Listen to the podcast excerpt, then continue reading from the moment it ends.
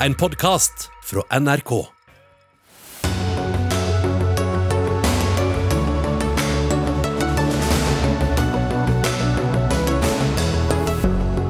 Amerikanske politikere folder hendene og ber etter at 21 mennesker ble skutt og drept på en skole i Texas. Men kan det føre til faktiske politiske endringer? Forsvarsministeren er bekymret for Forsvarets omdømme etter mange varslingssaker. Det ligger et for stort ansvar på dem som varsler, mener forsker og forfatter. De fleste fordømmer krigen i Ukraina, men går det likevel an å forstå Russland? Ja, mener tidligere toppdiplomat Kai Eide, som anklager Ine Eriksen Søreide for å kneble debatten. Og Stavanger ville utdanne medisinstudenter, men regjeringen sa nei. Da er det duket for omkamp i Stortinget. Og dette er bare noe av det det skal handle om den neste timen her i Dagsnytt 18, i dag ved Sigrid Solund. Og vi begynner sendinga i USA og med gårsdagens skole, skoleskyting i Juvaldi i Texas. Alle de drepte, to voksne og 19 barn, befant seg i det samme klasserommet hvor også gjerningsmannen hadde barrikadert seg. Det opplyste en talsperson for politiet om til CNN nå i ettermiddag. Dette er den dødeligste skoleskytingen i USA siden Sandy Hook for ti år siden, og har igjen fyrt opp eh, debatten om hvorvidt det er behov for strengere våpenregulering. Lars Os, du er USA-korrespondent og med oss fra Texas. Hva og hvordan har de politiske reaksjonene vært i USA? Det har vært akkurat som du sier, det har vært ganske kraftige eh, reaksjoner. Og det er veldig mange politikere som har sagt at de ber for ofra, ber for familiene og uh, sier at uh, USA nå må uh, komme til ro over denne tragiske hendelsen. og så har du da de andre kanskje de mer demokratiske og progressive politikerne som mener at uh, det her er nok et et massedrap som kunne ha vært unngått hvis de hadde f.eks. hatt strengere våpenregler i USA. Så eh, det, er helt klart eh, en eksplosjon nå på nytt om våpenlovgivninga i landet. Det bor jo ikke så mange mennesker i byen, rundt 16 000, omtrent like mange som i Hønefoss. Hvordan forholder lokalsamfunnet seg til det forferdelige som har skjedd?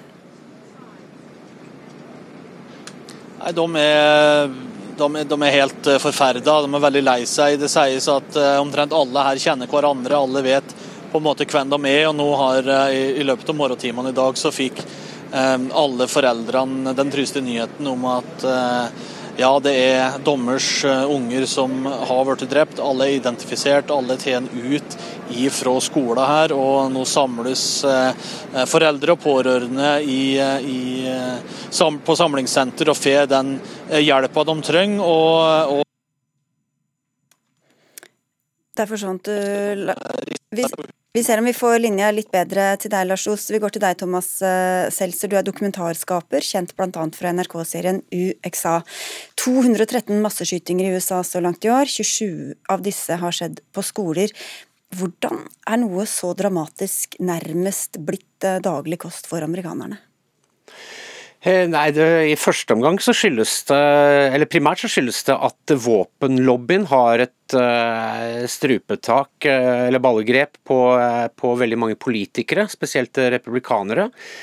Som da forhindrer egentlig enhver form for altså fornuftig lovgivning her. Og ja, nei, det er jo eh, synd, fordi det er jo altså F.eks. dette med bakgrunns... At eh, når du skal kjøpe våpen, så skal det bakgrunnen din sjekkes. Skal sjekkes om du har eh, voldskriminalitet på rullebladet, eller om du har noe eh, andre ting som gjør at du ikke er skikket eller egnet til å eie våpen. Så er det utrolig populært blant amerikanere flest. Eh, altså, jeg tror noe sånt som mer enn 90 90 av amerikanere vil ha det. Et universelt og, godt system for det i USA. Eh, men det vil ikke da disse republikanske senatorene eh, i, i Senatet, fordi de er avhengig av støtte fra NRA, National Rifle Association, og disse andre store, store våpenindustrilobbyistene. Eh, og, Det sier litt også litt om liksom, den polariseringen av USA. altså 72% av NRAs egne medlemmer er, er tilhengere av, av, disse restriksjonene og den kontrollen. Men det går ikke fordi ledelsen er, er såpass ekstrem og er i lomma på disse kreftene som bare vil selge flest mulig våpen. USAs president Joe Biden var jo raskt ute i natt og spurte i en tale om når i Guds navn skal vi stå opp mot våpenlobbyen. Henrik Heldal, du er kommentator på nettstedet amerikanskpolitikk.no og journalist i Nettavisen, og har skrevet en masteroppgave om amerikansk våpenpolitikk. Hvor stor innflytelse har våpenlobbyen i dag, mener du? Ganske, men jeg vil nok nyansere det Seltzer, jeg vil nyansere det Seltzer sier litt. fordi at uh, Det er ikke bare sånn at du har republikanere som uh, ønsker å gjøre noe med våpenpolitikken og ikke får lov fordi de er redd for, for lobbyen. Ja, NRA er, er, ganske sterk, særlig fordi de har uh, mange millioner medlemmer som de kan aktivere. Men man må huske at det har vært en ganske stor polarisering og, og verdiendring der de aller fleste republikanske folkevalgte faktisk mener det her sjøl, fordi de er valgt inn av, eh, fra en befolkning som har veldig konservative verdier på våpenpolitikk og ikke ønsker noen endringer. Så det er ikke bare sånn at Hvis vi ikke hadde NRA, så hadde vi ikke hatt de her standpunktene. De tror jeg ville eksistert uansett. Når det gjelder bakgrunnssjekker, så har man jo det i, i, USA. Problemet er at det finnes noen smutthull der, som f.eks. private salg, som bare noen få delstater har endra. Nå nå er det så polarisert nasjonalt i USA at de eneste endringene de skjer på delstatsnivå. Ifølge analysefirmaet Gallup så bor 44% av amerikanske voksne i husholdninger med tilgang på skytevåpen. Når det er så mange våpen i omløp, er det mulig å få bedre kontroll? Dette er jo litt av hovedargumentet til de konservative i USA. Vi har eh, like mange våpen som vi har folk, sier de. Derfor er det lite man kan gjøre med det. I tillegg så skjer jo de fleste dødsfallene med håndvåpen, og de er det så mange at de får du i hvert fall ikke, ikke gjort noe med. Eh, litt av hovedgrunnen når folk spør seg hvorfor vil ikke mange gjøre noe, så er det fordi fordi at det har vært en så stor polarisering over tid som har gjort at våpenkulturen har blitt en del av det å være på høyresida i USA. Polariseringen har vært så sterk at det å være republikaner er det samme nå som det å være, det å være rural eller det å være konservativ. Så når aktivister og politikere og media og organisasjoner angriper republikanerne for sin våpenpolitikk, så ser veldig mange amerikanere det på som et angrep på ikke bare republikansk politikk, men på deres rurale og konservative verdisett. Og da har det eh, dessverre blitt omtrent umulig å gjøre noe med det nasjonalt. Noe av det som gjør det veldig annerledes og kanskje uforståelig for oss nordmenn, er jo at dette er en lovfestet rett å eie og bære våpen i USA. Thomas Seltzer, du, du sier jo selv at du er tilhenger av denne retten, men hvorfor skal retten til å eie våpen stå så sterkt?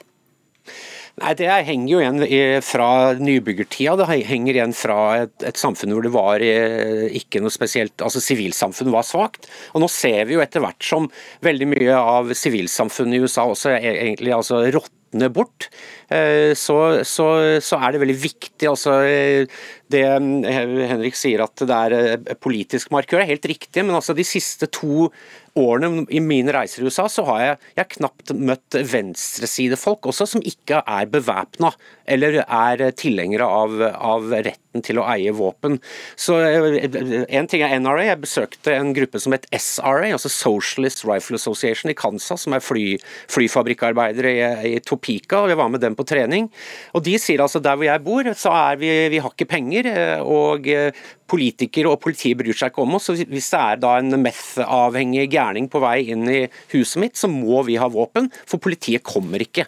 Så dette er altså et sånt, eh, nok et sånt tegn på et USA som egentlig har som en slags kollaps av sivilisasjon, for å si det litt dramatisk. Men setter de ikke dette i sammenheng med alle de masseskytingene som vi ser? Jo, men det er jo som det også blir sagt, altså det er jo så mye våpen i omløp nå at det, jo, det blir jo denne onde sirkelen at du må ha våpen for å forsvare deg. Eh, ikke sant? Fordi at eh, the bad guys eh, har jo våpen, de òg. Eh, og vi ser jo at veldig mye av de drapene som skjer, ikke minst i storbyene, eh, våpendødsfallene, er jo folk som da ikke har lov til å ha våpen. Eh, og ehm, sånn at det, det liksom, det, Du får ikke den kaviaren inn i tuben igjen. Eh, og jeg tenker også mange venstresidefolk jeg har snakka med, som sier at eh, det der må man egentlig bare gå litt vekk fra. Eh, fordi det er jo så, som Henrik er inne på, altså det der skillet mellom by og land og, altså det, er, det stikker så dypt. Men jeg er litt uenig med han når han sier at dette på en måte har blitt drevet av brukerne selv. Altså NRA har virkelig drevet dette i ekstrem retning i forhold til til, til medlemsmassen. Og altså Ja. Jeg skjønner. Til slutt her, Henrik Heldal. Nå sa jo Biden at nå må vi få gjort noe, men det, kan det skje noe? Nei, da må de jo fjerne den her filibusteren som gjør, at, eh, som gjør at man må ha 60 stemmer eller flere for å gjøre lovendringer som går utover budsjett. Det kommer ikke til å skje, så derfor kommer det ikke til å, til å skje noe. Men som jeg var inne på i stad, i mange demokratisk kontrollerte delstater de siste 15 årene har det blitt gjort en god del endringer. så Der kan det hende at det blir enda flere sånne lover som tetter en del av de her smutthullene i de lovene som eksisterer. Tusen takk skal dere ha alle sammen, Henrik Heldal fra amerikansk politikk, Thomas Seltzer, dokumentarfilmskaper, dokumentarskaper, og vår egen Lars Os.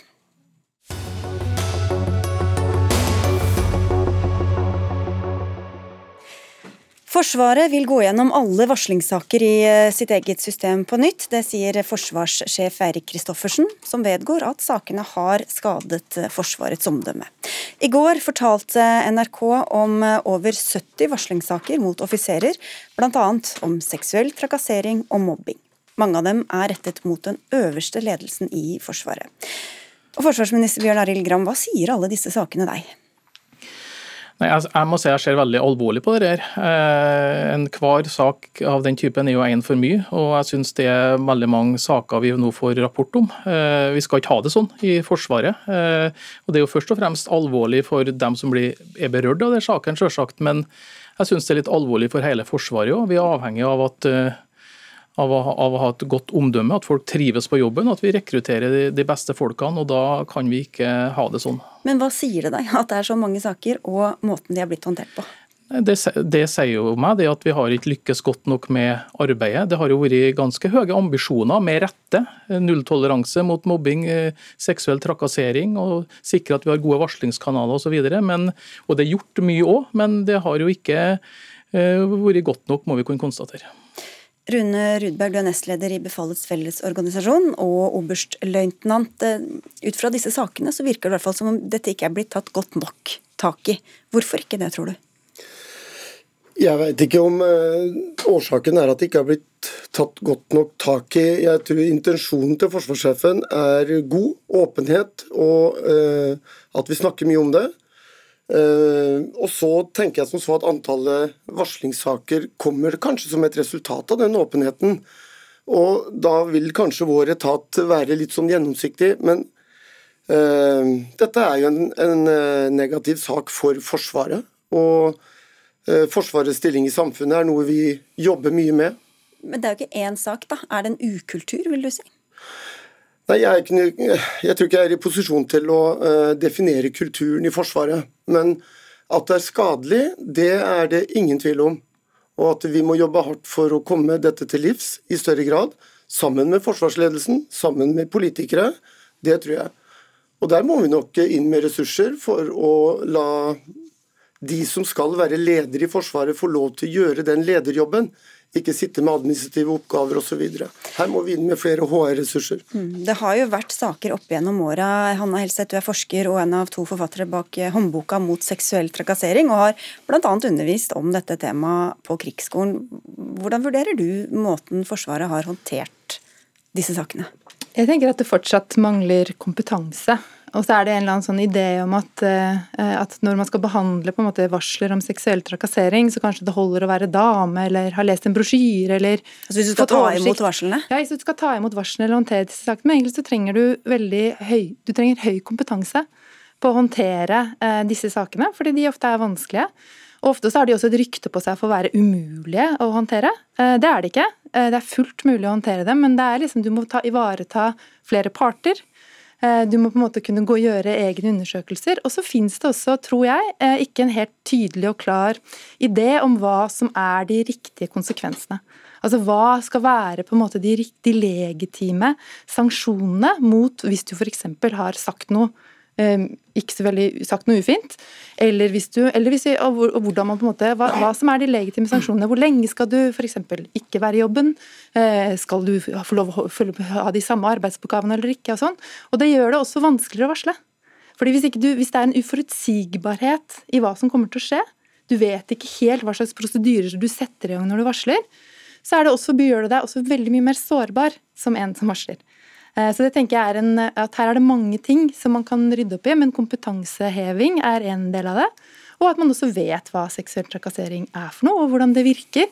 Og En annen ting som vi har vært opptatt av å fortelle til uh, offiserene, eller offiserutdanninga, er jo også at dette er, det er utrolig skadelig for tilliten innad i en gruppe. Hvis du trakasserer noen, eller hvis du mobber noen. Og er det noe Forsvaret er avhengig av, så er det jo nettopp tillit innad i en gruppe. Og tillit oppover mot nettopp fordi man skal følge kommando, og man skal sette sine egne behov til side. Og da må du på en måte vite at du tilhører en gruppe, og at den gruppa har ryggen din. Så Det tenker jeg, det handler ikke bare om omdømmet til Forsvaret, det handler også om hva Forsvaret Hvordan å være rett og slett eh, et bra forsvar. Du etterlyser jo selv kompetanse, Rudberg, men hvor, hvor, til dette andre som Helseth sier her, om hvor forutsigbart det er. Hva er egentlig linjene? Hva skjer hvis man varsler? Hvor, hvor tydelig er det innad i Forsvaret? Varslingskanalene er veldig tydelige. De er godt kjent.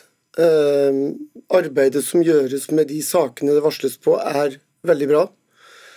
Uh, jeg tror uh, nesten alle Forsvarets avdelinger har god kunnskap og opplæring om det. Vi driver egen opplæring av våre tillitsvalgte. Hva som skjer med varselet etter at det er ferdig bearbeida i varslingskanalene, det har ikke jeg noe innsikt i. Hvem får hva av hvilken konsekvens. Gram, hva sier du til denne forutsigbarheten og de faktiske konsekvensene, da? Altså, jeg mener at det, det, som har kommet fram de siste dagene nå, øh, viser jo at det er blant de temaene som, som nå bør ettergås, og som, som, vi må gå videre på å vurdere. Øh, både å gå gjennom de som forsvarssjefen har, har snakka mye med han i det siste om akkurat dette, gå gjennom de sakene som nå er, er fram, men òg det systemet vi har, eh, varslingskanalen i utgangspunktet, er jo godt etablert. Men bl.a. her som handler om reaksjoner, konsekvenser, likebehandling, ulike nivå og organisasjon, er stor virksomhet der. Der tror jeg vi har forbedringspotensial. Helt opplagt. Hanne Helseth, eh, Forsvaret er jo et veldig hierarkisk system. Hvilke utfordringer eller problemer og eventuelle muligheter gir et sånn type system? Eh, for det første så er det en mulighet i at ved at det er et så hierarkisk system, så er det jo også mulig at når man først bestemmer seg for å gjøre noe, så er jo sannsynligheten for at man klarer å få gjort noe, eh, kanskje større enn i andre organisasjoner. Så det tenker jeg er en bra ting. Og det som jeg også vil si til liksom, Jeg vil også skryte av Forsvaret. Det er en organisasjon som har gjennomført to undersøkelser og skal gjennomføre én undersøkelse til, som nettopp har med forhold i forhold til mobbing og seksuell trakassering å gjøre. Hvis andre, hvis, viser jo de viser at det er veldig store tall ja, for seksuell trakassering. Hvis andre organisasjoner eller for f.eks. hvis mediebransjen hadde gjort de samme undersøkelsene, er det ikke sikkert at de tallene hadde vært sånn veldig mye bedre. Så jeg tenker at den, Det at man ønsker å ha kunnskap, kunnskap, om dette feltet, er en god ting. Og man har også mange gode tiltak i hvordan man skal styrke organisasjonen, eh, altså hva man skal gjøre for noe. Men jeg tenker at det å bare fokusere fokusere på varsling, det tror jeg er, en, eh, det er bra, men jeg tror også man trenger organisasjonstiltak. da. Altså det, det, her er viktige poeng, fordi det er ikke noe tvil om at dette har vært høyt på dagsorden i, i Forsvaret de senere årene. Som det ble nevnt her, den veldig grundige undersøkelsen knytta til mobbing og seksuell trakassering, hvor man også selvfølgelig får fram veldig alvorlige saker, men òg, som jeg har forstått det, utforma på en sånn måte som også gjør at man får tak i også de mindre tingene, som gjør at det, det er en veldig grundig undersøkelse. da. Mm. Og, det, det et, og Nå kommer det til høsten en ny undersøkelse. Det er viktig si, kompetansegrunnlag å mm. ha med seg videre. Du sa selv du har snakket med forsvarssjefen mye, og han sier han vil veldig gjerne ha åpenhet, men så viser ja. det seg jo at mange av sakene kommer aldri på hans bord. Nei. Nei, det er nettopp, nettopp det. Vil, altså, det er veldig positivt at, eh, at, forsvarssjefen sier det, at han vil ha åpenhet, at han tar det alvorlig. Det er hans ansvar eh, som øverste leder i Forsvaret å eh, få en endring som gjør at vi, vi har at vi får bedre forhold. Men noe av det som har kommet fram nå de siste dagene, er jo nettopp det at det ikke er gitt at sakene kommer på rett nivå heller. Og det er noe av det jeg tenker at Den gjennomgangen som nå skal skje, og jeg har bedt om en rapport nå før sommeren tilbake fra forsvarssjefen, eh, det er nettopp det som man må se på, her, at det systemet fungerer, at det blir likebehandling og at det kommer på rett nivå, ikke minst de alvorlige sakene. Ja, og Det er der vi kan begynne å snakke om en kultursituasjon. For uh, vi krever jo likebehandling her. Uh, om det er et befal på høyt nivå, en offiser på høyt nivå. Ja, Du har sagt at de beskyttes, eller ikke du, men din ja, jeg har sagt at Hvis det er situasjonen, så må vi dette til livs. Og det er et ansvar forsvarssjefen har. Og jeg tror forsvarssjefen tar det ansvaret. Og det er også et politisk ansvar her. Så, men da må det opp i lyset, og det må altså gjøres noe med. Så alle er enige om det. 30 sekunder til slutt, Hanna Helseth. Hva er ditt fremste råd? Det er å være også opptatt av måte å gjøre risikovurderinger eh, for om seksuell trakassering kan oppstå eller ikke, eller mobbing, og på en måte gjøre de på forhånd og gjøre det til et organisasjonsansvar, og ikke bare til den enkelte som eventuelt blir utsatt eller må anklage noen for å gjøre det. Forsvarsministeren noterte. Takk skal dere ha alle tre. Hanna Helseth, forsker og forfatter, Bjørn Arild Gram, forsvarsminister, og Rune Rudberg, nestleder i Befalets Fellesorganisasjon.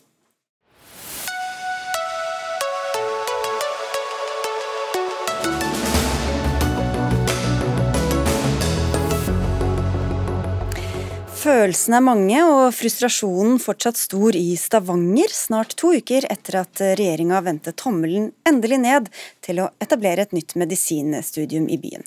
I 13 år har oljebyen kjempet for å få denne utdannelsen, men for to uker siden konkluderte departementet med at det blir for dyrt. Men rektor ved Universitetet i Stavanger, Klaus Moen, dere mener rett og slett at departementet har konkludert på feil tall. Hva er forskjellen på de tallene de har brukt, og dem dere sitter på? Ja, Det er forskjeller på definisjonene her, men la meg først si at det grunnleggende her er at Universitetet i Stavanger ønsker å bidra til å løse den legemangelen som gjør seg gjeldende på nasjonalt nivå. Og det gjennom å introdusere en uh, ny studiemodell for medisin i Norge som er teknologifokusert og som møter fastlegemangelen, og som legger vekt på nye og moderne løsninger for effektiv læring. Uh, regjeringen likte ikke kostnadstallene vi har spilt inn, og syns at de uh, var for gode til være sanne, så de la på og lagde sine egne tall. Men selv med disse tallene så har de altså ikke underbygging for konklusjonen som eh, de kommer med. Og det medfører ikke riktighet at eh, våre eh, kostnader er høyere enn for de fire gamle universitetene. Altså de... Alt vi ber om for å drive dette studiet er studieplassfinansiering. Ingen ekstraordinære tiltak. Og med slike forutsetninger så er vi overbevist om at vårt tilbud vil være økonomisk bærekraftig. Og Det veldig synd at regjeringen lar denne muligheten gå fra seg til å bygge på eksisterende infrastruktur, et nytt universitetssykehus, kapasitet og kompetanse ved vårt uh, universitet. Dette er det altså som går til spille når en uh, utelukker oss fra den videreutviklingen av uh, utdanningskapasiteten for medisin i Norge. Forsknings- og høyere utdanningsminister Ola Borten Moe, hvorfor tar dere utgangspunkt i at dette blir så mye dyrere enn det universitetet selv sier? La oss begynne med det jeg tror vi alle sammen er enige om. og det er nemlig at Vi har behov for å utdanne flere leger i Norge. Vi utdanner om lag halvparten. Da er vi enige om det. Da er vi enige om det. Eh, og Da blir jo neste spørsmålet hvordan, eh, eh, hvordan utnytter vi de ressursene vi har for å få utdanna mest mulig leger. Eh, medisinstudiet er kanskje det dyreste studiet vi har i Norge. Veldig ressurskrevende. Eh, det er òg eh, ekstremt kunnskaps- og teknologiintensivt. Og Vår klare vurdering er at de rimeligste plassene får vi ved å utvide kapasiteten på de fire medisinske fakultetene som vi allerede har. Det er altså Tromsø, Bergen og i Oslo og i Trondheim. Og så er det jo også sånn at det foregår medisinutdanning i eh, Stavanger, på universitetssykehuset. Eh, men ikke i regi av Universitetet i Stavanger, men i regi av Universitetet i Bergen. Men Mon, hvorfor mener, altså, Hva mener dere, er det like billig å gjøre det hos dere som i Trondheim eller Bergen? Ja, vi mener at eh, regjeringen har uh, lagt på uh, urettmessig på kostnadsestimatene våre, og det er uten å konsultere oss. I tillegg så har de lagt på investeringskostnader hos oss som de ikke har lagt på hos de andre universitetene. Og denne, Dette er en behandling av tallmateriale og en prosess som i beste fall kan, må kalles underlig. Og vi, vi reagerer på at dette etterlater en slagside i beslutningsgrunnlaget som heller ikke gir grunnlag for den konklusjonen som vi tror trukket. Hvor har dere det fra, disse tallene? Mo? Nei, Det her har jo vært en veldig lang prosess. og Det er jo selvsagt ikke noen ting som vi har funnet på i eh, departementet eller i politisk eh, ledelse. Det har både vært et eh, utvalg som har vurdert det her, som heter for Grimstad-utvalget. Og det har vært en egen interdepartemental arbeidsgruppe som har kikka på det her gjennom ganske lang tid. Jeg mener at det er et det er et veldig godt og et veldig omfattende kunnskapsgrunnlag som ligger til grunn for den beslutninga som regjeringa nå har fatta. Så skjønner jeg selvsagt frustrasjonen i Stavanger. Dette er noe man har også fra det universitetets side jobba med i lang lang tid. Og selvsagt har man ambisjoner på vegne av å bygge ut egen eh, portefølje. Men vår klare eh, oppfatning, basert på grundige faglige råd og økonomiske vurderinger, Eh, det er jo at det er mye billigere å utvide kapasiteten ved eksisterende fakultet. og bare For å ta det eh, helt enkelt, altså I Tromsø så kan vi eh, ta på 20 eller 25 ekstra medisinstudenter. Det koster ingenting annet enn enn det, enn det studieplassene koster. Ingen investeringer. Ok, Det var det økonomiske og forskningsbaserte, men så er det det politiske. da. Leder av Kristelig Folkeparti, Olaug Bollestad, du er med oss fra bilen, tror jeg. Og dere kjører omkamp, og denne saken skal opp over sommeren. Hvorfor skal dere fortsette å gi håp til noen som allerede har fått nei? For det første så syns jeg at eh, statsråden kan være ærlig og si at eh, han vil ikke ha eh, medisinerstudenter i Stavanger. Han vil ha de 20 som har vært fra Bergen i 20 år. Men han vil ikke tenke nytt. Han vil sentralisere og beholde de fire store universitetene som har drevet undervisning på medisinerstudenter alltid. Han hadde to muligheter. Han hadde valget mellom å dele en utdanning mellom Stavanger og Bergen, både for å sikre Universitetet i Stavanger, uten at det koster mer enn studentene som de gjør i Trondheim, nei, Tromsø. Eller han kunne valgt å ta hjem 50% eller mer enn det av de studentene som eh, tar utdanning i utlandet etter tre år, sånn at vi faktisk hadde hjulpet dem i LIS-utdanninga, fått turnustjeneste, sluppet dobbeltturnustjeneste. Vi kunne gjort en uh, utdanning som gjorde at de forsto det norske systemet når de kom hjem igjen. Det hadde vært billigere for helsevesenet. Han velger nei. Mm. Og Det mener jeg det hadde vært mye mer redelig enn å leke med tall og så komme ut og si det dyrere. Fordi vi har lagt andre kostnader inn i Stavanger enn det han har gjort til de andre universitetene. Da mener jeg om å spille med åpne kort, og ikke si at dette vet vi. Derfor driver jeg omkamp. I Stavanger, Hvis man skal etablere et medisinsk fakultet der, så ligger det jo i sakens natur at du er nødt til å bygge opp et medisinsk eh, fakultet. Det vil både kreve en del eh, investeringer Men de sier at de har alt som trengs. Og, og ikke minst så er du nødt til å bygge opp et fagmiljø med kompetanse som det allerede er mangel på i, i Norge. Så er det sånn at det bildet som Bollestad eh, tegner, det er for så vidt greit at man kan være uenig om, om kostnadstallene, men vår klare eh, oppfatning, og for så vidt basert på grundige faglige råd og vurderinger, det er at det er betydelig dyrere i Stavanger. Så er da det neste, og det er jo at det som kommer til å skje med medisinutdanningene i Norge fremover, det er ikke sentralisering, det er tvert imot desentralisering. For vi trenger å ta i bruk en større del av spesialisthelsetjenesten vår for å tilby eh, tilstrekkelig med praksisplasser. Og Det betyr at uh, ikke er det bare sånn at det er, allerede er medisinstudenter i Stavanger. Det kommer til å bli uh, flere av dem, men du kommer også til å se dem i Haugesund, du kommer til å se dem i Ålesund, du kommer til å se dem i Namsos og rundt forbi landet. Det mener vi er veldig god politikk, som kommer til å, å sikre tilgang på leger over hele Norge. Ok, Da går vi tilbake til bilen. Takk. For det første så er det sånn at når du skal ha en utdanningskapasitet, Ola Borten så må du legge de samme tallene til grunn. Stavanger universitet har altså kapasitet på bygningsmassen. Skal du utvide i Bergen, så har du selv skrevet i papirene dine de må utvide med nytt bygg i Bergen, leie i Stavanger. Det må du faktisk si, istedenfor å si det blir dyrere i Stavanger. Det vil være de utdanningsplassene som er. Vi bygger et av de største universitetssykehusene vi har i landet, med god kapasitet. Vi har bygd samferdselsårer med sjøtunneler som gjør at vi har tilgang på fryktelig masse kommuner med praksisplasser for kommunepraksis og allmennpraksis. Du har lagd en utdanning som er skreddersydd til fastlegeordningen. Og er det noe vi trenger, så er det å fornye måten å utdanne på, sånn at vi treffer de utfordringene vi har. Det velger regjeringen å si nei til. Og jeg gir meg ikke før jeg får tallene ut, for de tallene vil jeg ha som du har lagt til grunn, før du kan si det er dyrere. Vi har ikke sett tallene, vi har bare fått konklusjonen. Dette kan vel være åpenhet om Ola Borten Moe, ja, tallgrunnlaget? Og vi har eh, for så vidt òg gått til det uvanlige skritt at vi har eh, offentliggjort store deler av det interdepartementale arbeidet. Eh, det er jo saksfor, vanligvis er jo det saksforberedelser internt i regjeringa som ikke blir offentliggjort, men nettopp fordi at det er stort engasjement og interesse rundt denne saken, så har vi altså valgt å gjøre det. Og Så vil jeg bare oppsummere det kort da, med å si at det er jo ikke er jo ikke først og fremst et nytt medisinsk fakultet Norge trenger. Det Norge trenger, det er flere medisinstudentplasser. og Da må vi utnytte kapasiteten på dem vi allerede har, bedre. Det er det regjeringa sier. Vi tar inn Klaus Moen også til slutt der fra Stavanger. Ehm, hvor mye nytt må dere bygge, og hvor mye må dere investere? Vi har veldig mye på plass, og statsråden underslår at den kapasiteten og den kompetansen som innebærer et nytt eh, fakultet, mye av det er allerede på plass ved Universitetet i Stavanger, og ikke minst ved eh, Stavanger universitetssykehus. Vi står klar til å utnytte dette til beste for samfunnet og i møte med en av samfunnets aller største utfordringer, men vi får altså ikke lov. Det syns vi er veldig leit, ikke bare for Universitetet i Stavanger, vi er ikke sviktige i denne sammenheng, men for Helse-Norge, for pasientene.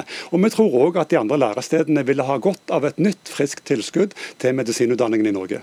Ja, jeg vil jo replisere med å si at Vi ønsker jo selvsagt å bruke fasilitetene og kapasiteten ved Universitetssykehuset i, Stavanger i framtida sånn som vi gjør nå. Nettopp fordi det er viktig, som Klaus Moen sier, for eh, den totale utdanningskapasiteten i Helse-Norge. Men vi ønsker ikke å etablere et nytt medisinsk fakultet. Da skal vi takke dere av helt på tampen, Olaug Bollestad. Du sier du ikke gir deg. Du har vel Rogalandsbenken med deg, men tror du du får noe flertall? Nei, Det må vi jo se, men da får partiene vise hva de egentlig står for. Fordi dette handler jo om å både tenke nytt i måten å utdanne på. Det handler om å ta lågthengende frukter med å ta hjem og se på muligheten til å bruke de tre siste årene i studiet for de som går i utlandet. Og det er lågthengende frukt for å få okay. leger utdannet raskt. Altså Den studiemodellen som beskrives av Bollestad, nå som er altså at du tar de tre siste årene uh, i Norge etter at du har vært i utlandet, det er jo en Eh, en studiemodell som man medisinskfaglig og utdanningsfaglig ikke er veldig støtta opp om. Så det, eh, Hvis man er opptatt av høy kvalitet på norske leger i framtida, så bør man jo i hvert fall ikke gå i en retning der fagmiljøene sier at du får dårligere leger i andre enden. Da får vi se. God tur videre, Olaug Bollestad. Takk skal du ha. Takk skal du ha, Ola Borten Moe, for at du kom, og Klaus Moen for at du var med fra Stavanger.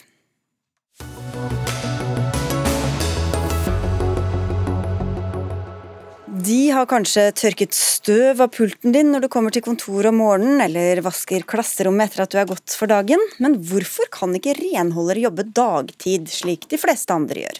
Dette tar du til orde for å endre på i Fri fagbevegelse, Torbjørn Væreide. Du er stortingsrepresentant for Arbeiderpartiet. Hvorfor er det så viktig? Altså, når jeg vokste opp, så var renholderen en like viktig del av laget som alle andre. Vi tok ikke skade av å si hei til hverandre. Og jeg tror altså at den, det at de var en viktig del, like viktig del av laget, det ser man kanskje ikke alltid like godt i dag. I dag så er det mange arbeidsplasser der renholderen gjerne skal være mest mulig usynlig. Og Det som det fører til, det er at de må jobbe mer ukurante tider. Altså De må jobbe de kjipeste vaktene når vi er hjemme med familie og med barn. Eh, og det gjør det det fører til mer deltid, og det fører til et vanskeligere arbeidsliv for akkurat de menneskene. Så det må vi få ordna opp i. Men kan de ikke bare jobbe turnus, da, sånn som veldig mange andre gjør? Altså Det viser jo seg at Problemet her er jo at eh, mange av de renholderne de må holde seg borte fra arbeidsplassen fordi at de ikke skal være til bry. Sånn at det handler jo mer om holdninger enn eh, om å få en timeplan til å gå opp i opp. Du får støtte fra Norsk Arbeidsmannsforbund, som organiserer mange i denne bransjen. Men Anne Cecilie Kaltenborg, du er administrerende direktør i NHO Service og Handel. Hvorfor kan ikke renholdere jobbe side om side med alle andre? Ja, Heldigvis så gjør de jo veldig ofte det, da. Eh, sånn at eh, jeg tror ikke vi er så uenige om målsetningen her. Og vi ble jo faktisk eh, enige nå 21.4 med Norsk Arbeidsmannsforbund i, med ny tariffavtale, og der står det jo faktisk som en felles målsetning at vi skal jobbe for eh, at kunder og offentlige innkjøpere skal se verdien av at renhold utføres på dagtid. Så der har vi helt eh, lik målsetning. Og jeg er ikke enig med deg at tidligere var det sånn at renholdere ble sett som en like viktig del av laget, og de ikke gjør det nå. Jeg syns jo absolutt de er en like viktig del av laget. Og jeg vil jo si at i løpet av de siste to årene hvor vi har hatt en pandemi i Norge, så har også eh, holdningen til renhold og renholdere endret seg på en veldig positiv måte. De har fått veldig stor anerkjennelse for jobben de gjør. Blitt ansett som en samfunnskritisk funksjon, og blitt virkelig anerkjent for den rollen de gjør for folkehelsa. Og det har de jo gjort i alle år, men det er kanskje først nå man har sett at de har en kjempeviktig jobb for men, folkehelsa. Men tror du det gjør at folk faktisk ser på dem som kolleger på linje med alle andre?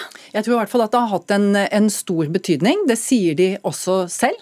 Eh, og heldigvis så er det jo også sånn nå, tror jeg, at eh, veldig mange som kjøper renholdstjenester, er fornøyd med å kunne vise frem at på vår arbeidsplass eller på vår skole eller på dette, denne delen av det offentlige rom, så er det godt renhold som utføres, og det utføres faktisk akkurat nå. Jo, altså, Jeg tror det er riktig at det er mange som åpner opp øynene under pandemien og etter pandemien. Men det hjelper ikke å snakke om at man ser verdien av et yrke, hvis man ikke ønsker å se de menneskene som gjennomfører jobben.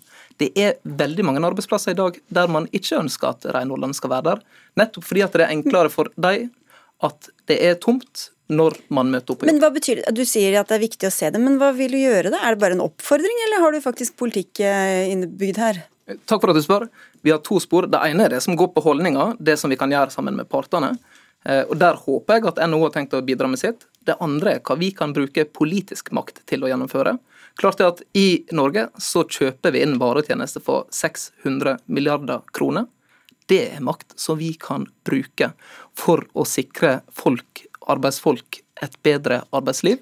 Klart er at det er noe som vi, vi gjerne må se på. men hvis NHO vil være med på laget, sier klart og tydelig ja, dette her vil vi oppfordre medlemsbedriftene våre til å gjøre. Så vil denne jobben være mye enklere. Altså, det er jo veldig enkelt å si ja til. og Nå har jeg akkurat uh, sagt at uh, i tariffavtalen som vi ble enige om for en måned siden, så sa vi faktisk nettopp det helt skriftlig. så, så dere har gått gjennom den døren som ble sparket opp for lenge siden? Den har vi gått gjennom og inn. Uh, det andre er jo at man må ikke innbille seg at dette er majoriteten av renholdstjenester som utføres om, på, på, natta. Og, og altså, håper å si Du får snakke for deg selv når det gjelder å ikke ønske å se renholdere på sin arbeidsplass Min erfaring er at eh, man syns at det er hyggelig. Og i hvert fall på NHO sine kontorer så har vi renhold midt på dagen og syns at det er veldig ålreit. Og så må vi også huske at renholdsbedriftene ikke sant? Og den bransjen er jo i NHO Service og Handel, det er derfor jeg er her. For dem for bedriftene selv så er det jo mye bedre å ha sine ansatte der om dagen. Det gir enklere logistikk. Det gir bedre mulighet til å, til å følge opp kompetanseheving. Og det gir antageligvis bedre mulighet til å rekruttere og holde på ansatte. Og hvor viktig er ikke det nå som vi har så lavt men, eh, mangel på folk? Ja, og Hvis de jobber om natta, så får de tillegg. Men hva med å gi tillegg f.eks. mellom også før klokka åtte eller etter klokka fire? Ja, altså, da vil jo også færre bedrifter ønske å bruke renholdere ugunstige arbeidstider. Ja, altså Det er jo nettopp det vi blir enige om i, i tariffavtalen. Eh, og De satsene er jo akkurat blitt eh, satt på nytt der. og det er som du sier, Når man jobber natt Men ikke, man, morgen, ikke tidlig morgen eller kveld? Eh, jo, altså, etter, altså før klokka seks. Det må jo sies å være tidlig morgen. Men det er fortsatt tidlig morgen å komme på halv sju, er det ikke det? Ja, Det kommer an på da hvor du jobber. Men i hvert fall så er det 100% tillegg på tariffen når man jobber før klokka seks. Så det vil jo i hvert fall for mange anses å være et, et godt tillegg. Ja, altså, jeg kan bare begynne med å si det at eh, jeg har nå alltid... Kan ikke begynne nå, for nå skal vi avslutte. Nei, at eh, jeg har nå alltid gledet meg over å møte renholderne på jobb. Jeg har til og med blitt eh, påspandert frokost av en av de som jeg jobber med. Men, og det er et, her er et viktig poeng som vi må ha med på tampen. Det er det at veldig mange som jobber i renhold, de er innvandrere, har innvandrerbakgrunn. Og det er en forskjell i integreringa på å møte opp på en arbeidsplass der det er andre mennesker, eller om det ikke er det. Så dette er viktig òg for. Og Dette vet jeg at dere er enige i, men det er jo noen ganger det rett og slett ikke lar seg gjøre å rengjøre samtidig som man skal gjøre alt det andre på den arbeidsplassen? Ja, altså, herregud, og det er heller ikke eh, alle yrker man kunne flytta til dagtid. Jeg har jobba både nattevakt på industri og, og i sene skift i restaurant. Jeg skjønner at man ikke kan snu på døgnet, og jeg skjønner òg at det ikke går an å regne, gjøre ei tavle på et klasserom mens det foregår undervisning. Men det er ikke det det er snakk om her. Det det er snakk om her er at i alle tilfeller der det lar seg gjøre, så kan man flytte renholderen fra ugunstige tider til gunstige tider, sånn at de får muligheten til å være med familien når de ikke er på ja, men jobb. Men dette er altså noe som vi gjør allerede nå, og som står i tariffavtalen. Jo, vi gjør det i veldig stor grad. Det er omtrent ni av ti som da jobber i normal arbeidstid, og det kommer vi til å fortsette å jobbe med. Og hvis noen lurer på hvor uenigheten egentlig lå, så må de spørre noen andre enn meg, tror jeg. Men takk skal dere ha for at dere kom, i hvert fall. Torbjørn Vereide fra Arbeiderpartiet og Anne Cecilie Kaltmoren fra NHO Service og Handel. Tusen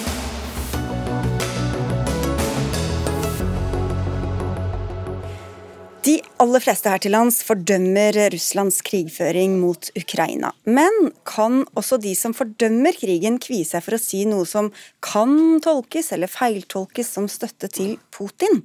Krigsutbruddet har snevret inn den sikkerhetspolitiske debatten, sier du i et stort intervju i Klassekampen i dag, Kai Eide. Du er tidligere norsk Nato-ambassadør. Og bare for å si det, i intervjuet presiserer du gjentatte ganger at du fordømmer krigen like mye som alle andre, så da har vi slått det fast først som sist. Så vi går rett til poenget ditt. Hvordan er debatten blitt innsnevret, mener du? Så jeg mener at det viktigste vi har, er eh, perspektivmangfold. Og det må vi ivareta. Og jeg mener at eh, i den siste tiden er kommet eh, innslag i debatten som fører til at noen trekker seg tilbake fra debatten, og en del selvsensur pågår. ikke sant? Så jeg mener at det er en det, det er nesten jeg vil kalle det en, en, meningsdisiplin som kreves. Man skal mene det som liksom er uh, Man får ikke lov å mene andre ting. og jeg mener det er ingen som er i tvil om at det er Russland som er aggressoren, og det er en grusom krig og alt det der. Men så må vi da innenfor forskning forskere, kommentatorer, journalister må ha lov til å se tilbake, trekke perspektivene tilbake. Det er viktig for å trekke de riktige beslutningene om fremtiden. Vi kan ikke komme i en situasjon her i landet hvor enkelte forskningsmiljøer og enkelte fremtredende forskere føler at de har ikke lyst eller orker ikke lenger å gå inn i denne debatten. Da er vi virkelig på farlig vei, fordi det som er øh, den store, eller mange, men store forskjellen mellom oss og Russland, det er at vi har et sånt perspektivmangfold. Derfor er, det, er vi tryggere på å ta de riktige beslutningene, i motsetning til det russerne gjør.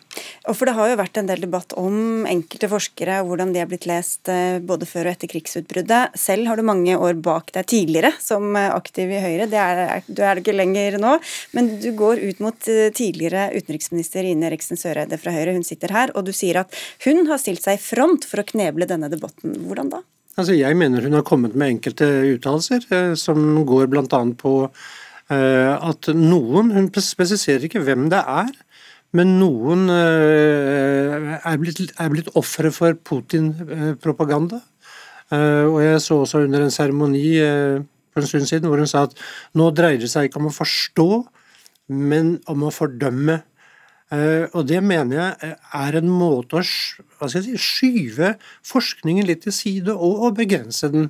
Nå skal vi mene noe, og, og vi skal mene én ting. Men når vi, når vi, skal se på historien, når, når, man skal forske, så vil det nødvendigvis komme fram ulike synspunkter, og de må få lov å kunne delta i debatten uh, på den måte som uh, vi til nå har gjort. Ja, Ine Eriksen Søreide, nå er du leder i utenriks- og forsvarskomiteen. Ikke tiden for å forstå, men for å fordømme. Men hvorfor er det nødvendigvis noen motsetning der? For det første er jeg helt uenig i Kai Eides eh, synspunkter. Det er kanskje ikke noen stor overraskelse. Jeg mener noe av det som har vært veldig viktig i den norske debatten om Russland i veldig mange tiår, har vært kunnskapsnivået og meningsmangfoldet. Og jeg har sjøl som både forsvarsminister og utenriksminister brukt det som et veldig godt argument overfor mine daværende kollegaer, nemlig at Norge var et av få land som ikke bygde ned sin russlandskompetanse etter slutten av den kalde krigen. Vi har opprettholdt den i etterretningstjenesten, i forskermiljøet, i eh, diplomatkorpset vårt, for å nevne noe. Og det har vært en veldig viktig tilgang for Norge.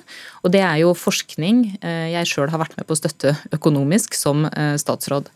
Så sitter jo Kai Eide her i dag i beste sendetid og kommer med sine perspektiver. Jeg opplever jo ikke at han på noen måte har unngått å komme med sine perspektiver i landsdekkende TV og radio opp gjennom de tre månedene som nå har gått, og det syns jeg er bra. Og han har jo fire sider i Klassekampen i dag hvor han går ut på den måten han gjør. Men jeg må si at det jeg reagerer veldig sterkt på, det er at Kai Eide sier at jeg driver overgrep mot ytringsfriheten. Det veit Kai Eide at det er bare tull. Det vet alle som ser og hører på Dagsnytt 18 at det er bare tull. Og jeg syns faktisk du skal være voksen nok til å trekke det tilbake. Jeg, jeg vil da stille deg spørsmålet. Uh, du står ved det du sa? bare for ja, å... Ja. Uh, når, når, du da sier, når du da sier at det er noen, og du snakker om forskere bl.a., som uh, ser ut til å ha falt for Putin-propaganda, hvem mener du? Fordi det er så generelt. Hvem er det du snakker om? Og når du snakker om om, om, om neste spørsmål Hva er det de har sagt som får deg til å komme med et slikt utfall? Det skulle jeg gjerne vite. Navngi dem og si hva det er de har sagt. Kajeide, du sa nettopp at du står ved at du mener at mine uttalelser, mine meningsytringer, er et overgrep mot ytringsfriheten. Det er en helt absurd påstand. Ja, men jeg, Svar på mitt spørsmål. Nei, nå er det jeg som snakker. Det er en helt absurd påstand. De som er offer for overgrep mot ytringsfriheten, sitter bl.a. i russiske fengsler fordi de bruker ytringsfriheten sin. Det jeg har sagt, og det står jeg veldig klart ved, er følgende. I Norge, som i de fleste andre land, så har det vært en reorientering av russlandsdebatten. Jeg har vært veldig opptatt av at vi må forstå handlingene i den forstand at vi må forstå hva som ligger bak dem. Det er noe annet enn å anerkjenne og akseptere f.eks. at Russland har interesser som er såkalt legitime, som gjør at de kan ta en del av et naboland, påvirke politikken i en retning som gjør at de f.eks. ikke får melde seg inn i Nato eller EU. Det mener jeg er ting som nå på både høyresida og venstresida i politikken, og blant mange forskere, har blitt hvem reorientert. Forsker, hvilke forskere da? Men det, men det er helt, det er helt hvem, hvem, er det du retter din kritikk mot? Nå er det jeg som snakker. Jeg har sagt helt generelt at både i Norge og i andre land på høyre- og venstresida i politikken, blant forskere og andre, så har det vært folk som har sagt vi tok feil i vår analyse. Men vi skjønner hvem du mener når det gjelder politikere. Da retter du deg sikkert mot Rødt særlig, og kanskje SV også til dels. Men det er jo interessant Høyre- og venstresida. Ok, men, men, ja. Men, men blant forskerhold, hvor det har vært en debatt og vært kritikk, så er det jo interessant å høre hvem det er du egentlig tenker på. Nei, Jeg har uttalt meg helt generelt om at jeg mener det har skjedd en reorientering. og Det mener jeg for så vidt har vært bra. Men den dis diskusjonen er jo helt åpen. Jeg synes Det er helt merkelig å ha diskusjonen i dag om at det skal være et overgrep mot ytringsfriheten å komme med en meningsytring fra min side. Altså, eh, jeg skjønner at det er generelt, men mm. da må du jo ha noen eksempler. Ja, men Poenget er at i den debatten vi har hatt, så har vi stått sammen, med noen få unntak, om å fordømme det som har skjedd. Russlands invasjon av Ukraina er folkerettsstridig, den er brutal. Og jeg er glad for at Kai Eide også er så tydelig på det. Men vi har også sett en situasjon hvor det var flere, både i Norge og i andre land, som lenge tok til orde for at man måtte forstå at det var legitime interesser på russisk side i å f.eks. ta et annet land, eller å invadere sånn som de gjør nå. Og Det mener jeg er feil, og den meningsytringen må jeg få lov til å ha. Ok, Så du får ikke noe svar, Kaja. Hun vil ikke svare på det. Men hva er det overgrepet, da? Hva ligger overgrepet til Søreide i? Overgrep er kanskje et sterkt ord. Hm? Overgrep. Men, men jeg mener at du har du respekterer ikke ytringsfriheten ved å komme med den type uttalelser. Og det overrasker meg. Uh, særlig når det kommer fra deg, kanskje, som i din tid som utenriksminister. Uh, helt enig, sto for ytrings ytringsfrihet. Men det som overrasker meg, er at dere har kommet med så klare uttalelser som du har, og snakket om noen, og så spesifikt, som, som lar seg påvirke av Putin-propaganda, hvem i all verden er det du tenker på? Gi meg bare ett eneste eksempel. Og hva er det de har sagt? Nei, men hvorfor ikke? Altså, du, jeg, var, jeg var i hvert fall modig nok til å sette bjella på deg. Kan ikke du sette bjella på en også? Men kan jeg da spørre tilbake, mm. hvilke analyser er det du føler du ikke har kommet på med? Hvor har du blitt knebla? Hvilke debatter har, har, du ikke fått delta i? Jeg har ikke sagt at jeg, at jeg er blitt knebla, men jeg har sagt at Du sier jo at jeg knebler debatten.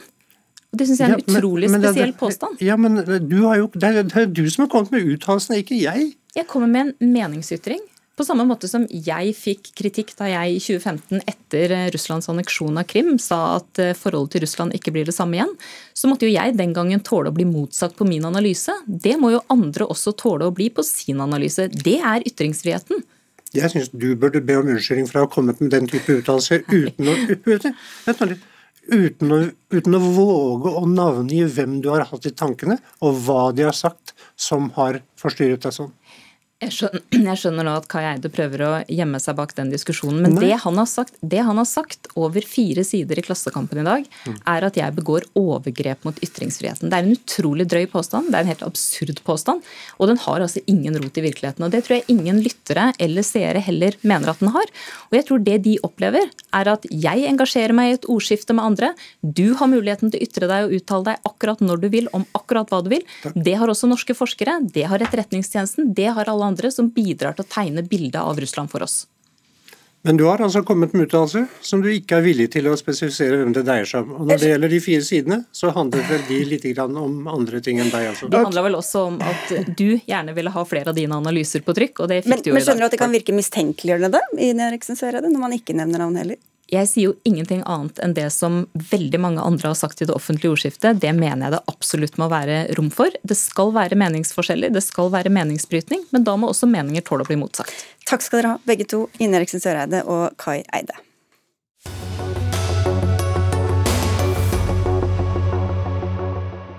Og da går vi fra debatt om hva som kan sies om Russlands krigføring, til hvem som bør slippe til i debatten. For Aftenposten har publisert to innlegg fra en russisk student bosatt i Moskva.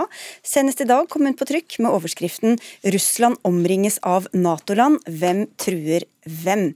Dette har du reagert på i Minervanett, Bård Larsen. Du er historiker i tankesmien Civita. Hvor trår Aftenposten helt galt, mener du? Uh, ja, Aftenposten trår i hvert fall litt galt. Uh, de gjør det fordi at de publiserer en tekst som kommer i en tid hvor, uh, hvor Russland er i krig med Ukraina, i krig med våre liberale demokratier, for så vidt. Og hvor da informasjonskrigføring, det er også kalt for hybridkrig, er en viktig del av av det Russland og Putin-regimet holdt på med veldig lenge. Ikke bare nå, men veldig lenge.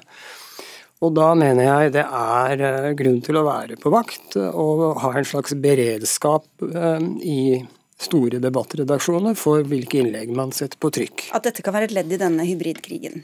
Muligens? Ja, det, det, vet ikke jeg, og det vet antagelig heller ikke Aftenposten. Det er veldig vanskelig å vite. Men det ser ut som om dette er, hva skal man si, en slags sånn uh, Eh, strategisk kommunikasjon fra, fra russisk side. Det er, det er, akkurat de samme talepunktene du finner i den, den eh, russiske propagandaen fra Kreml. Hvordan vet dere at det ikke er det, Erik Dornes, debattansvarlig i Aftenposten? Nei, Vi har jo vært i kontakt med henne over uh... Og da sa hun ikke at hun snakket på vegne av russiske myndigheter? Det stemmer. Nei, Vi har vært i kontakt med over, henne over ganske lang tid. Uh, og, og, vi er jo på vakt. og det er, Vi driver kildekritikk og vi forsøker å, å faktasjekke og gjøre våre undersøkelser så godt vi kan. Eh, og, og sånn som vi forstår det, så er det hun, hun mener det hun skriver. Eh, og så er det helt riktig som Bård Larsen sier, at det er også andre som mener det samme som henne. Eh, mye av det hun skriver ligner på ting som den russiske ambassaden for eksempel, kunne ha skrevet. Men vi vet jo også at store deler av, av russiske befolkningen støtter Putin langt på vei. Og så er det også viktig for meg å si at dette dette leses jo også i en ganske tydelig kontekst. Erlend Lo starter jo dette med å skrive et brev til sine russiske lesere og venner, eh, hvor han er kritisk og har noen oppfordringer og utfordringer. Og hun er en av disse eh, Los lesere som, som, svarer ham. Men Litt om konteksten da, Bård Larsen. Hva mener du, Hvordan, eller, hvordan syns du de presenterer denne studenten? Nei, Det er jo det som er problemet, at uh, i hvert fall i første innlegget hennes så ble hun mer eller mindre presentert som en student. Altså en som har vært i Norge og studert i Norge og i Russland. Og er veldig glad i Los tekster og bøker, og det er det. Og da framstår det jo for mange lesere som det en vanlig russer mener. Men vanlige russere de blir satt i fengsel hvis de sier hva de oppriktig mener. Eh, sånn at eh, det er, det er noe her som gjør at leseren ikke helt er klar over hva, hva de får servert. Og det, det, det Jeg syns også det Jeg har også hørt, jeg har også hørt Torne, jeg har også hørt Torne si da at eh, Men dette er jo liksom Aftenpostens lesere i stand til å bedømme, da, at dette f.eks. da er, er en spinn eller sånne ting. Men det syns jeg er å skyve leserne foran seg.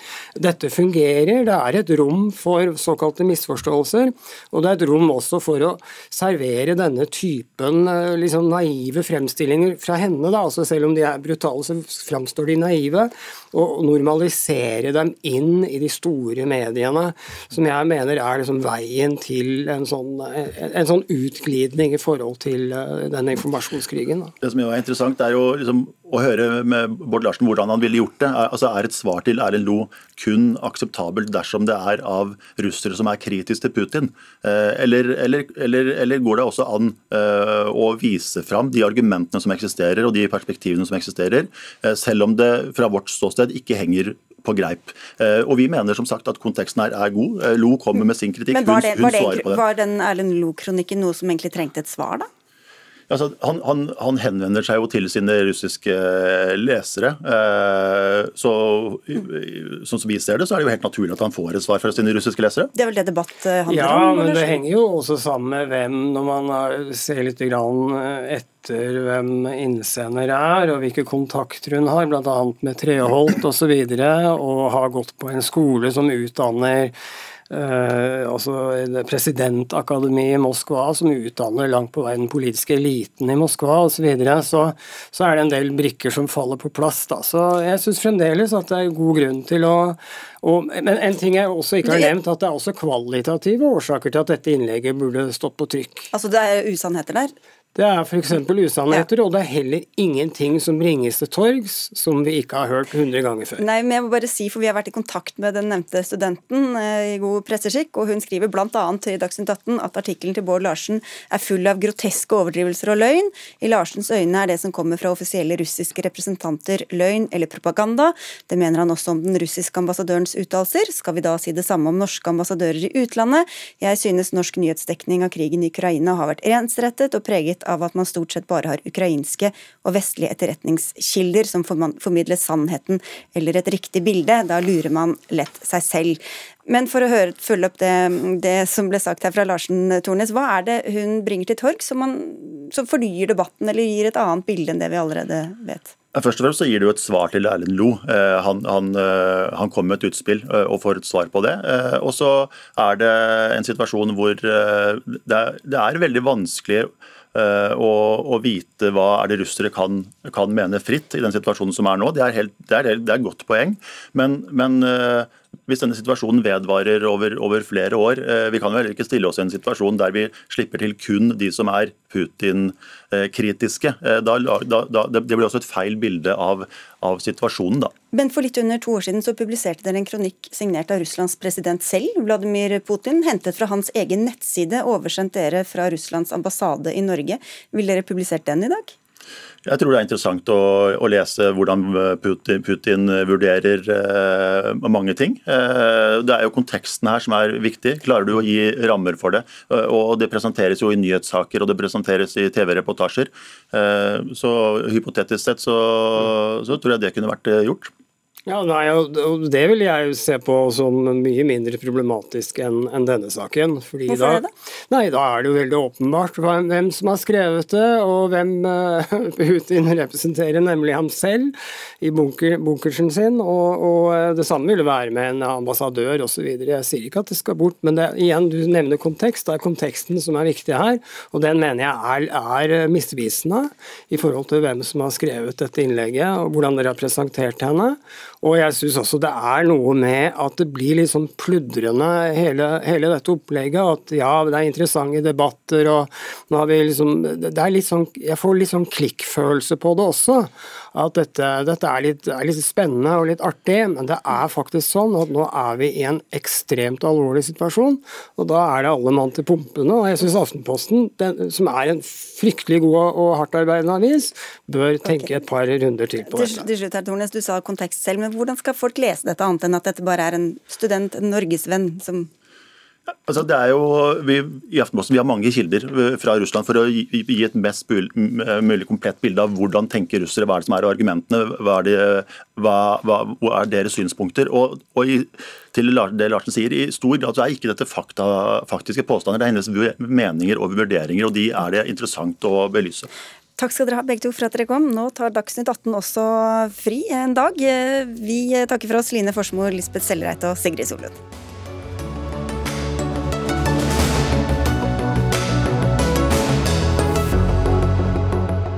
Du har hørt en podkast fra NRK. Hør flere podkaster og din favorittkanal i appen NRK Radio.